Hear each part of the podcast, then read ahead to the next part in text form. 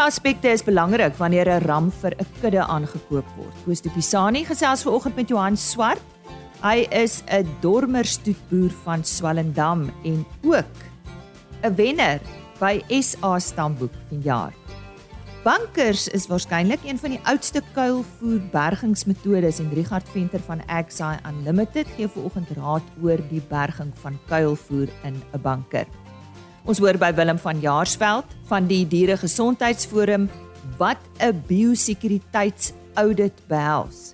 En het jy al gehoor van gin wat met eike geïnfiseer is? Ek het by die Kaasfees meer hieroor gaan uitvind.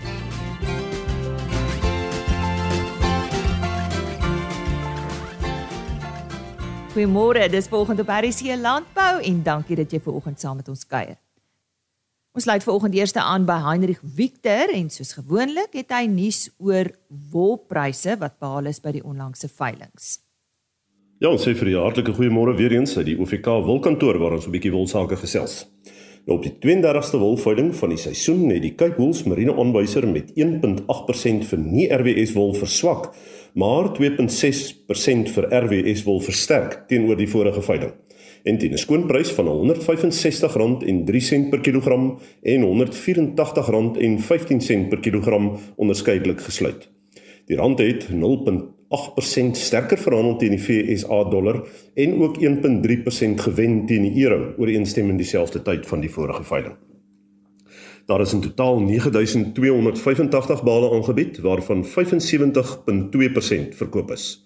Modiano het op hierdie veiling die grootste hoeveelheid bale gekoop, gevolg deur Standard Wool SA, Lempriere SA en Sigard Mazurel.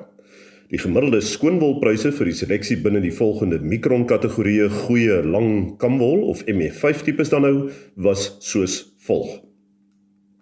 Nou ons onderskei weer eens soos gewoonlik tussen nie RWS en RWS gesertifiseerde wol. Ons begin by 18 mikron. Nie RWS R254.30 per kilogram. RWS R275.84 per kilogram met 'n verskil van 8.5%. 18.5 mikron. Nie RWS R228.93 per kilogram. RWS R250.55 per kilogram en die verskil daar 9.4%. 19 mikron. Nie RWS R190.41 per kilogram, RWS R212.94 per kilogram en die verskil daar was 11.8%. Dan 19.5 mikron, nie RWS R181.86 per kilogram, RWS R202.63 per kilogram en die verskil daar 11.4%. En dan kyk ons na 20 mikron nie RWS R169.66 per kilogram, RWS R184.63 per kilogram met 'n verskil van 8.8%. En dan laastens 21.5 mikron nie RWS R147.23 per kilogram en RWS wol verhandel teen R162.04 per kilogram met 'n prysverskil daarvan 10. 1%. Nou ja, dit is dan alwaar ons tyd het hierdie week. Ons volgende wolske veiling, uh let wel, is geskeduleer vir 1 Junie. Alles wat mooi is tot ons weer gesels, mooi loop. Die stem daarvan Heinrich Victor. Ons het verlede maand met Richard Venter gesels oor die verskillende forme van stoor as dit kom by kuilvoer en toe hy gesels oor oorhope of bans soos ons dit meer algemeen bekend staan. En vandag Richard, goeiemôre, gesels ons oor bankers. Hallo Lisa. Ja, so kom ons gesels oor bankers. Ehm um, kuilvoer bankers is mos nou maar eintlik 'n algemene naam en hy word eintlik gebruik vir 'n klomp verskillende maniere van kuilvoer stoor, maar dit gaan daaroor dat die kuilvoer eintlik tussen twee mure in uh gekompakteer of gedruk word. Die tradisionele kuilvoerbanker is eintlik maar 'n gat in die grond of 'n sloot gewees. Uh die boere was lief daarvoor om veral aan die kant van 'n heuwel of net net in die grond in slote te grawe. Ehm um, wat dan eintlik beteken het dat die uh, die sloot of die gat of die banker was dan nou onder grondvlak gewees. Hy was eintlik in die grond in. Maar na mate die volumes van kuilvoer op plase toegeneem het, het die banker uh, ontwikkel in 'n struktuur wat eintlik bo op die grond staan, met ander woorde bo op grondvlak waar mure gebou is of met sement of met uh, net grondwalle wat gestoot word um, om dan met ander woorde 'n struktuur te vorm waar tussenin ons die kuilvoer nou kan kompakteer. Nou dis baie belangrik hierdie tussenin want omdat jy die kuilvoer nou kompakteer tussen hierdie mure, kry jy eintlik 'n heelwat beter kompaksie effek want jy het iets waarteen jy druk. Uh, dit is nou in vergelyking met die kuilvoerhoope waaroor ons verlede keer gesels het, waar ons dit maar net bo op die grond maak en daar het jy eintlik niks wat hom bietjie inhou en hom bietjie keer nie. So gemiddeld kry ons eintlik in die bankers 'n hoër kompaksie wat ons natuurlik weet uh, baie gewens is vir kuilvoer kwaliteit want dit gaan oor die verwydering van suurstof. Ehm um, maar as ek so praat oor die kuilvoerhoop wat nou binne in die grond was of ondergrondvlak en nou is hulle bo grondvlak hoekom sê ek dit? Die, die rede daarvoor is baie baie belangrik. Ons moet onthou dat die hoof uh, gas wat uit kuilvoer fermentasie en ook selrespirasie uit die plante vrygestel word is koolstofdioksied of ook bekend as koolsuurgas. Nou koolstofdioksied is 'n verlies, dit weet ons, dit dra by tot uh, droommateriaal verliese van kuilvoer. Maar dit is ook iets wat ons tot ons voordeel kan aanwend.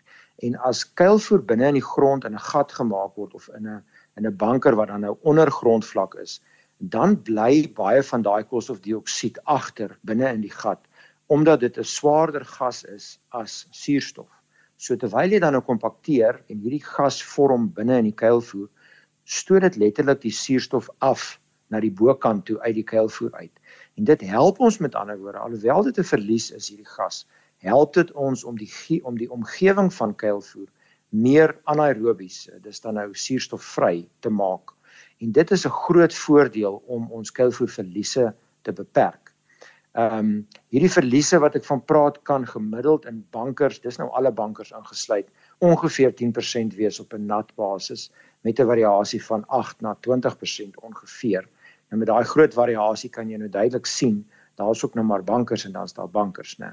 Maar die die beginsel is maar net dat ons het eintlik 'n bietjie vergeet van die voordeel van koolstofdioksied toe ons bankers bo op die grond gebou het en die bankers al hoe groter gemaak het. En nou moet die boer eintlik relatief al hoe harder werk om daai kuilvoer se suurstof te verwyder en die omgewing anaerobies te kry. So as 'n boer vir my vandag sê ja, maar sy pa het altyd so 'n goeie kwaliteit kuilvoer gemaak in die ou kuilvoerslote of sy oupa voor hom, dan is dit baie keer regtig so omdat hulle het sonder dat hulle noodwendig dit besef het, het hulle hierdie voordeel van koolstofdioksied benut Van die nadele nou natuurlik verder van hierdie kuilvoerbankers is natuurlik die koste om kuilvoerbanker mure of walle te bou is natuurlik nie goedkoop nie en daarom beweeg baie boere weg van dit af. Maar soos ek nou beskryf het, ten minste uit 'n kompaksie oogpunt het ons wel die voordeel en natuurlik die ander voordeel is dat die oppervlak van hierdie kuilvoerbankers relatief tot die volume, veral as hy lekker diep is, is dan nou ons nou heelwat beter. So as ons sou 'n bolaag verlies hê, ehm um, as gevolg van toemaak uh, beginsels en toemaak uitdagings dan is dit gelukkig nie so baie soos wat dit byvoorbeeld met hope was nie. Maar al hierdie dinge saam lei ons eintlik nou tot die derde beginsel of die stoorvorm van hoe om kuilvoer suksesvol te berg en dis dan nou in silo sakke waaroor ons volgende keer gaan gesels en uh, ek dink as ons uh, luisteraars tussen die lyne luister sal hulle sien waarheen ons op pad met die silo sakke en die koolsuurgas en luister gerus volgende keer verder om te verstaan hoekom dit vir ons voordele. En so gesels Richard Venter en hy is van Agsai Unlimited. En nou gesels ons oor gin. Nou jy sal wonder hoekom ons dit op 'n landbouprogram doen. Nou deesdae is gin nou nogal populêr en verskeie soorte. Verskeie wat geïnfuseer of infused word deur iets soos eike Ek het vir Robin Hartman raak geloop. Sy is van Nine Orphans en ek het haar daar by SA Kaasfees gesien en hierdie Kaasfees word natuurlik daar by Sandringham aangebied en uh, jaarliks deur Agri Expo. Robin is 'n distilleerder en mede-eienaar van Nine Orphans. So ons het nou eers ons seker vir 2 maande eers up and running. Ons maak gins so, ons het ehm um, twee gins en 'n rum, ons maak 'n Turks Fij gin en 'n eike sap gin. So dit is gemaak van akkers wat ons vapor infuse. Ja, is baie easy drinking ehm um, gin, is baie lekker. Ja. Ons maak ons ram ook uh wat geage is. Ons waar, is, waar is julle geleë? Ons, ons is gebaseer daar by Murati Wine Estate. Ehm um, so ons het nou net eers oopgemaak. Nou ek wil bietjie by die eike een. Waar die idee nou vandaan gekom met met eike? Wel, ehm um, hier hier staan die mastermind. Ja. Ehm um, so ag ons het maar net gedink ons wil ehm um, iets uit iets wat ergens aan Stellenbosch wil ons ehm um, 'n gin van maak. En ek dink ehm um, ja, das das niks meer reg aan Stellenbosch as akkers nie. So ek dink ons mag gaan daarmee. Ja, ja. Ehm um, ek wil nou eintlik 'n bietjie oor die proses praat. Is dit dalk met hom wat ek dan moet praat? Wie ja, met, met jou? Nou toe, nou toe. As ek nou dink dis nou bietjie vroeg vir my om te proe. Ek bedoel dis nou hier voor 9 in die oggend hier by die by die by die kaas wees. Daar sê ons sal dalk so 'n bietjie later vanmiddag. Wat behels ek ek weet nie wat 'n Afrikaanse mooi woord is vir infusion nie. Ek dink al die luisteraars sal verstaan wat ek sê as ek praat van infusion. Wat behels infusion? Kom ons kom ons gebruik die eike as 'n voorbeeld. Okay, so ons gin is gemaak van 'n neutrale basis. So ons sal 'n uh, cane neutral spirits gebruik en dan ehm um, as ons dit in die in die kolom sit en hy word die alkohol word gekook. Al die ehm um, alkohol vapors sal begin op in die kolom beweeg. En dit al daai ehm um, vapors gaan dan deur 'n uh, eh, wat ons noem 'n botanical basket. En daarin sal jy nou jou akkers en jou juniper berries en jou koriander en al daai tipe lekker dinge sit. Daai alcohol vapors sal dan net al daai aromas opneem. En dan koel ons hom af dat hy weer ehm um, in 'n liquid vorm is. So as jy nou vir 'n RC landbou luisteraar moet verduidelik wat proe jy as jy hierdie spesifieke gin, hierdie eike sap gin van julle? Wat wat proe jy? So ons het besluit om ehm um, om 'n bietjie anders te maak. Ons ons het gedink om hom te ontwerp in 'n 'n Genever styl. Ehm um, ons het rondgespeel met graanbasisse, maar ek ek weet nie ons het nie ons het nie so baie van die juniper graan kombinasie gehou nie. Toe besluit ons eerder net om graan in die ehm um, botanical basket in te inkorporeer dan nog steeds met die Genever botanicals rond te speel. So hy het nog steeds baie spicy um roots, mm. maar hy het baie maltiness, die neute um en dan die akkers wat hom ook bietjie meer afrond. So hy so so 'n kombinasie van 'n uh, eh, sweet um maltiness en dan ook jou so 'n bietjie spice wat wat dit En die reuk, die reuk is kom seker baie duidelik uit. Ja, dit dit dit reuk mense omtrent net akkers. Jy sal weet as jy hom reuk, dit reuk soos 'n akker. Ja. So met die voorbereiding van die akkers, ehm um, ons uh, tel dit alles daar op Morati se wynplaas op en dan ehm um, kap ons dit oop met 'n hamer, so jy skil hom en dan laat lê ons hom in water vir so 2 of 3 weke.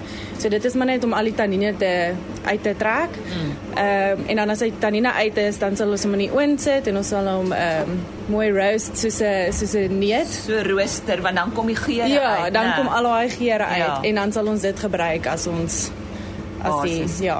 Nou julle het uh, dis nou dag 2 van die kaasfees hierso ja. op Sandringham.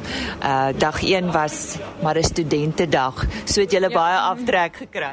Nee, dit was dit was redelik baie studente. Hulle almal wil net kom proe. So ag, maar dit was nog steeds 'n goeie dag geweest. Ja. ja. Definitief 'n dame met 'n passie vir dit wat sy doen. Dit was dan Robin Hartman wat so lekker gesels het oor hulle gin en sy is van Nine Orphans Distillery. Willem van Jaarsveld van die Nasionale Dieregesondheidsforum was een van die sprekers by vanjaar se Rovasa Kongres en soos jy reeds weet, was Karen Venter daar en sy het na afloop van die aanbieding met hom gesels oor biosekuriteitsaudits. Mense, ek het nou 'n baie interessante persoon hier raak geloop vandag. Ek dink hier's soveel baie interessante mense by Rufasa dat 'n mens het eintlik 'n week nodig om met hulle te gesels. Een van hulle is Willem van Jaarsveld en ehm um, hy is 'n landbou-ekonoom streepie veekundige en hy is baie betrokke by die biosekuriteit audits en ja, nou met die boere hulle ore spits want dit is nou my eerste vraag is wat doen jy as jy hierdie audits doen? Weet jy ons moet dit so 'n bietjie terugvat na 2019 toe daar back and claw uitgebreek het in ons land in die vryzone in die back and claw back and claw vryzone van die land. Veilings is gestop. Daar is gesê kry regulasies in plek sodat dit nooit weer nodig sal wees om veilings te stop om back and claw te probeer beheer nie. En ons het begin skryf van die regulasies. Dit was klaar gemaak en toe het ons 'n huis daarvoor gesoek. IPAC wat die registrateur of die beheerliggaam vir uh, landbouprodukagente is is genader. Hulle het gesê is reg. Hulle trek die regulasies onder hulle huidige wet in. En so het ons binne 'n jaar die regulasies as 'n wet gekry wat die minister die versekering gegee het op daai stadium dan as Die industrie is bereid om iets te doen om te verhoed dat back and claw 'n groot probleem word. Nou in hindsight natuurlik sê ons, "Wow, waar dinge verkeerd geloop." Ongelukkig is biosekuriteit per se en op sy eie net een van die baie belangrike goed wat in plek moes kom. Ander deel wat ons nog nie in kon geslaag het om in plek te sit as industrie nie, is die vervoer die bewegingsbeheer waar die probleem eintlik nou 'n groot deel van ons land toe nou bereik het as gevolg dan van die afwesigheid daarvan. So wat doen ek? Ek besoek alle veilingskrale, ongeag aan wie die veilingskraal behoort, of dit nou aan die veilingsagentskap, aan 'n boerevereniging of 'n privaat individu behoort. Daardie veilingskrale word geaudit volgens die IPAC biosekuriteitsregulasies om te sien of die veilingsopset, die infrastruktuur voldoen aan die spesifikasies sodat wettige veilings daar kan plaasvind. daarmee saam almal wat daardie veilingskraal gebruik as 'n veilingspunt, die afslaershuise word afsonderlik van die veilingskraal en afsonderlik van mekaar ook weer geaudit vir hoe lyk hulle prosedure en administratiewe gedeelte wanneer hulle veilings hou op daardie punt. Met ander woorde as jy die infrastruktuur en die admin klaar geaudit het, dan sê ons die kombinasie hierdie twee bymekaar kry 'n sekere stergradering as 'n infrastruktuur 'n 4 ster is en die veilingshuis is 'n 4 ster, dan kan die kombinasie 'n 4 ster wees. As een van die twee 'n 3 sou wees, dan is die kombinasie 'n 3. Altyd die kleinste gemeene deler vorm die kombinasie gradering. Al wat ons daarmee in die industrie wil vestig is 'n veiling is nie net 'n veiling nie. Jy kry veilings wat ingestel is op die beperking van die risiko vir siekteverspreiding onder diere. So as jy 'n 4 ster is, beteken dit alles moontlik wat gedoen kan word om die risiko te bestuur is hier in plek. Minder as 'n 4 ster dui dan inkrementeel aan tot watter mate tekorte nog in die stelsels bestaan. Want as ons nie op 'n punt gaan kom waar ons op 'n manier kommunikeer aan die koper van diere tot watter mate is daar voorsorgmaatreëls in plek gesit sodat ek as koper nie uitgelewer is aan siek diere en siek diere my skoonkudde op die plaas gaan infekteer nie. As ons dit nie gaan doen nie, gaan hierdie probleem, hy's klaar so 'n groot probleem in hoeveel van ons provinsies, gaan dit net hand oor hand toeneem en is ons eintlik vir die res van ons bestaan onthef wil ek amper sê ontneem is die regte woord van uitvoere. Want die wêreld wil nie van 'n land vleis invoer waar daar back and claw by te beheer is nie Alhoewel die vleis veilig is vir menslike gebruik, back and claw is nie 'n zoonose nie. Met ander woorde, dis nie 'n siekte wat van dier na mens oorgedra kan word nie.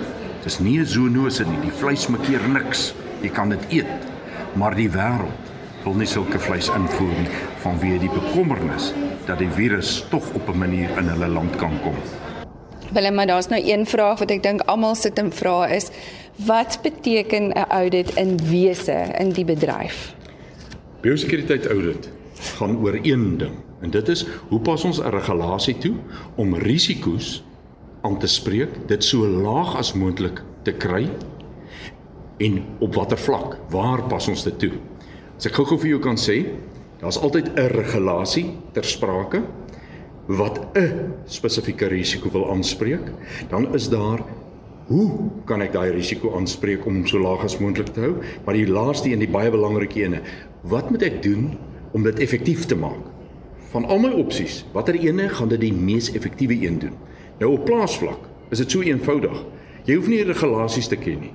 Gaan net op jou plaas en sê waar lê biosekuriteitsrisiko's? En die kort definisie van 'n biosekuriteitsrisiko, enige handeling wat vee siektes kan inbring laat opstapel tot vlakke waar die risiko onbestuurbaar is. Biosekuriteit voorkom daai drempelwaardes. Ons probeer hom so laag as moontlik kry. As jy weet waar is die risiko, dan vra jy wat kan ek doen om hierdie risiko effektief af te dwing? Af te druk. Kyk na jou opsies, vra die vraag watter ene gaan die effektiefste wees? Doen hom. Vir nou is dit die beste wat jy kan doen. Risiko kan nooit uitgeskakel word nie, hy kan net geminimaliseer, so klein as moontlik gemaak word. Of jy dit op plaasvlak doen, of jy dit op die veilinge doen, of jy dit by die abattoir doen en of jy dit by die voerkraal doen, almal dieselfde resep. Jy doen dit daarvolgens. Dis die kort en die lank.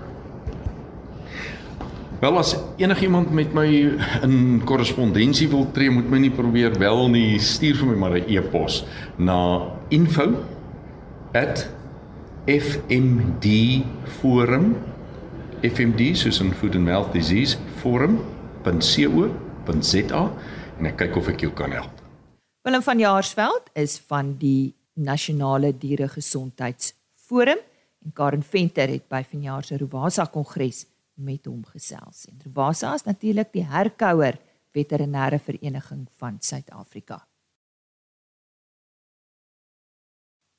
Baie boere is besig om kudde te bou na jarelange droogte, maar wanneer dit by ramkoop kom, praat ons van 'n hele paar duisend rand. Talle klein veeboere moet ook maar die sente omdraai en seker maak hulle koop 'n ram wat vir hulle waarde sal gee. Maar die vraag is, watter een op die katalogus is die regte een? Johan Swart, 'n dormer stoetboer van Swellendam, was onlangs aangewys as die nasionale wenner van die SA Stamboek Elite Kleinvee Stoetkudde van die jaar afdeling. Hy het tydens die Oranje Rivier Boeredag op Prieska met boere kom gesels oor die genetika en jou kudde. Kostopisane het gaan uitvind hoe kan 'n kuddeboer seker maak hy koop nie vir hom 'n kat in die sak nie. In die huidige landbouekonomie moet 'n mens deesdae mooi dink voordat jy 'n ram aankoop. Ek gesels vandag met Johan Swart van Swellendam. Hy's 'n dormer stoetboer wat al baie ondervinding opgedoen het oor genetika en oor hoe om jou kudde te verbeter. En ek wil by hom uitvind wat is die punte waarna 'n boer moet oplet as hy vir 'n ram gaan koop. Johan, as 'n kuddeboer vir 'n ram aankoop, um, wat is die aspekte of die pointers waarna hy sou moet oplet om die regte ram te koop? Uh, Koos, ek dink dit is baie belangrik vir kuddeboer dat hy sal moet kyk um, na die eienskappe. Veral daar's eienskappe wat mens kan sien. Dis nou die bouvorm eienskappe, maar dan is daar nou ook eienskappe wat 'n mens nie kan sien nie. Nou die eienskappe wat 'n mens nie kan sien nie, is die hoeveel groei 'n ram se lammers gaan hê en hoe vrugbare lam se uh, ram se ooilammers gaan wees. Ehm uh, die eienskappe wat ek sal sê wat belangrik is vir 'n kuddeboer is hy moet kyk na speen direk, naspeen direk, sorg dat dit so bo 105% moet wees. Die volgende eienskap wat ek sal sê wat hy na moet kyk is uh, die ouderdom eerste lam. Dit moet uh, bo kan die ras gemiddeld wees. Die maternale gedeelte van 'n ram mens moet seker maak dat dit nie ver onder die ras gemiddeld wees nie. Ek sal sê 94 is so die uh minimum. Dan 'n uh, getal lammers gespeen dink ek is die uh drywer van wins by enige skaapboerdery. So jy moet sorg dat dit so hoog as moontlik uh kan wees. as wanneer mens na number of lambs wean teelwaardes kyk, kyk maar ook na die ram se moeder se ooi produksie indeks. Met ander woorde, na sy eie moeder se uh, produksie en vrugbaarheid. Uh, ongelukkig is dit so as mens klem lê op uh, number of lambs wean of vrugbaarheid eienskappe, dan gebeur dit dat jou bouvorm eienskappe uh, diere wat jy kry nie meer eintlik diere wat daai uitsonderlike bouvorms het nie want uh, bouvorm en vrugbaarheid is so bietjie negatief gekorreleer. Jy praat nou hier van die eienskappe wat jy kan sien en nie kan sien nie. Hoe hoe kan ek die beste waarde vir my geld bepaal? Koos, ek ek dink uh, mens mens moet net baie versigtig wees. Ek dink baie keer wat op 'n veiling gebeur en in baie plekke gebeur is dat uh, mense gaan, hulle sien 'n baie mooi ram. Hulle gaan kykie na die ram se teelwaardes nie. Met ander woorde, hulle gaan kykie na die eienskappe wat 'n mens nie kan sien nie. Hulle kyk net na die eienskappe wat mens kan sien en hulle betaal baie geld vir 'n ram wat se eienskappe wat 'n mens nie kan sien nie wat uh, groei en dan ook sy uh, ooi nageslag se reproduksie is dit is nou laag en dan koop hy 'n ram en hy betaal onnodig te duur vir 'n ram. So die teenoorgestelde is ook waar gaan kyk na eienskappe wat jy nie kan sien nie, gaan kyk na jou groei, gaan kyk na jou vrugbaarheid en dan daarmee saam bring jy jou bouvorm in. Dink jy daar is sekere quick fixes wat 'n mens kan gebruik om jou kudde bietjie reg te ruk? Koos, ek dink stoetteelers en kuddeteelers moet baie versigtig wees daarvoor. Die effek wat 'n ram op jou kudde het is blywend. Inteendeel, ek dink as jy 'n ram vandag aankoop, die die die effek van daai ram gaan jy nog vir die volgende 4 uh jaar in jou kudde voel en miskien nog 8 na 10 jaar as gevolg van daai ooi uh nageslag wat wat wat jy gaan aankry. So mens moet baie versigtig wees vir quick fixes en goeders gaan doen, byvoorbeeld teelwaardes vergroei so hoog druk dat dit heeltemal uit uh, van balans af is of uh sekere goed mee weghardloop, so mens moet baie versigtig daarvoor wees. In sekere skaaprasse het die bouvorm so verander dat die skaap half onproduktief begin raak. Dink jy nie dit is ook 'n neiging wat uh, plaasvind as mense te veel gaan vir vir die eienskappe wat jy wel kan sien? Koos ek dink jy's heeltemal reg as jy dit sê. Bouvorm in balans met jou ander eienskappe soos wat ek dit noem die eienskappe wat jy nie kan sien nie, jou groei en jou vrugbaarheid. Ek dink mens moet daai balans vind. Jy moet weet watter diere in jou omgewing en op jou plaas gaan goed doen en uh jy moet sorg dat vir in vandag se tyd met die boer, die kuddeboer sorg dat hy gaan geld kry vir die uh eienskappe waarvoor hy sal sal selekteer. Uh, dit was Johan uh, Swart. Hy is baie ernstig daaroor dat jy moet sorg dat jy reg koop, een keer koop en reg koop. Ek is Koos de Pisani vir RSC Landbou op Prieska. RC Landbou onderhoude is op www.agriorbit.com as potgooi beskikbaar indien jy graag weer na een van ons onderhoude wil gaan luister of dalk was daar besonderhede wat jy nie kon afskryf nie. agriorbit.com.